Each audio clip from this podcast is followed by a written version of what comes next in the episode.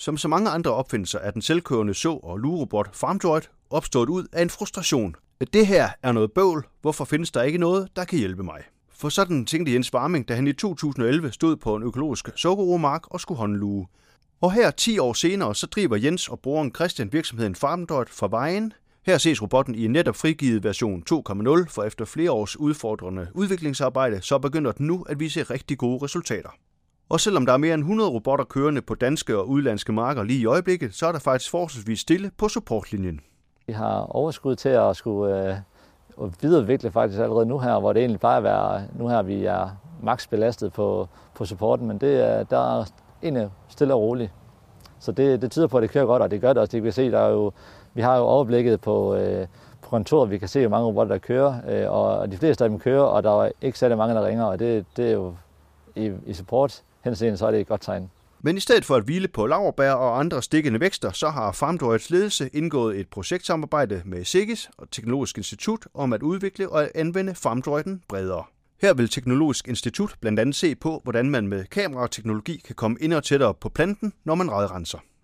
I Teknologisk Institut har vi udviklet en metode til at teste FarmDroiden, hvor vi øh, sætter sådan et almindeligt GoPro-kamera, monterer det på FarmDroiden, mens den kører, og så har vi udviklet noget vision-teknologi, hvor vi så bruger den her video til at hele tiden se på, hvor tæt er det her lugejern i forhold til hver enkelt plante af for eksempel sukkerroer, når den kører ned igennem marken.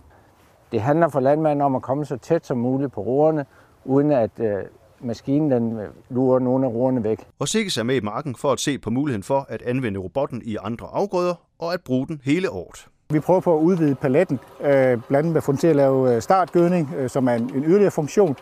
Øh, så kigger vi også på, om den kan komme ud og så i nogle andre, og arbejde i nogle andre afgrøder. Altså grøntsagskulturen er jo oplagte, om man kan få den til at arbejde i dem. Øh, der er rigtig mange øh, ukrudtstimer i, i økologiske grøntsagskulturer.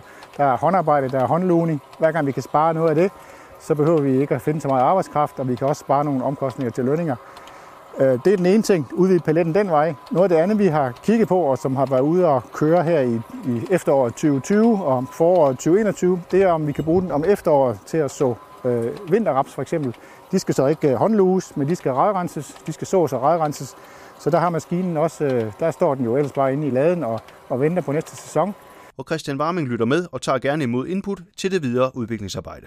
I forhold til energi, øh, energiproduktion, så er vi øh, hele tiden øjne for, hvad, hvad der sker, og hvad den, om der er andre muligheder øh, lige nu. Vi vil gerne fortsætte den her vej med at være CO2-neutral, øh, og dermed så er det sådan lidt, øh, altså så er det ikke bare at smide en dieselgenerator på, øh, på, på robotten,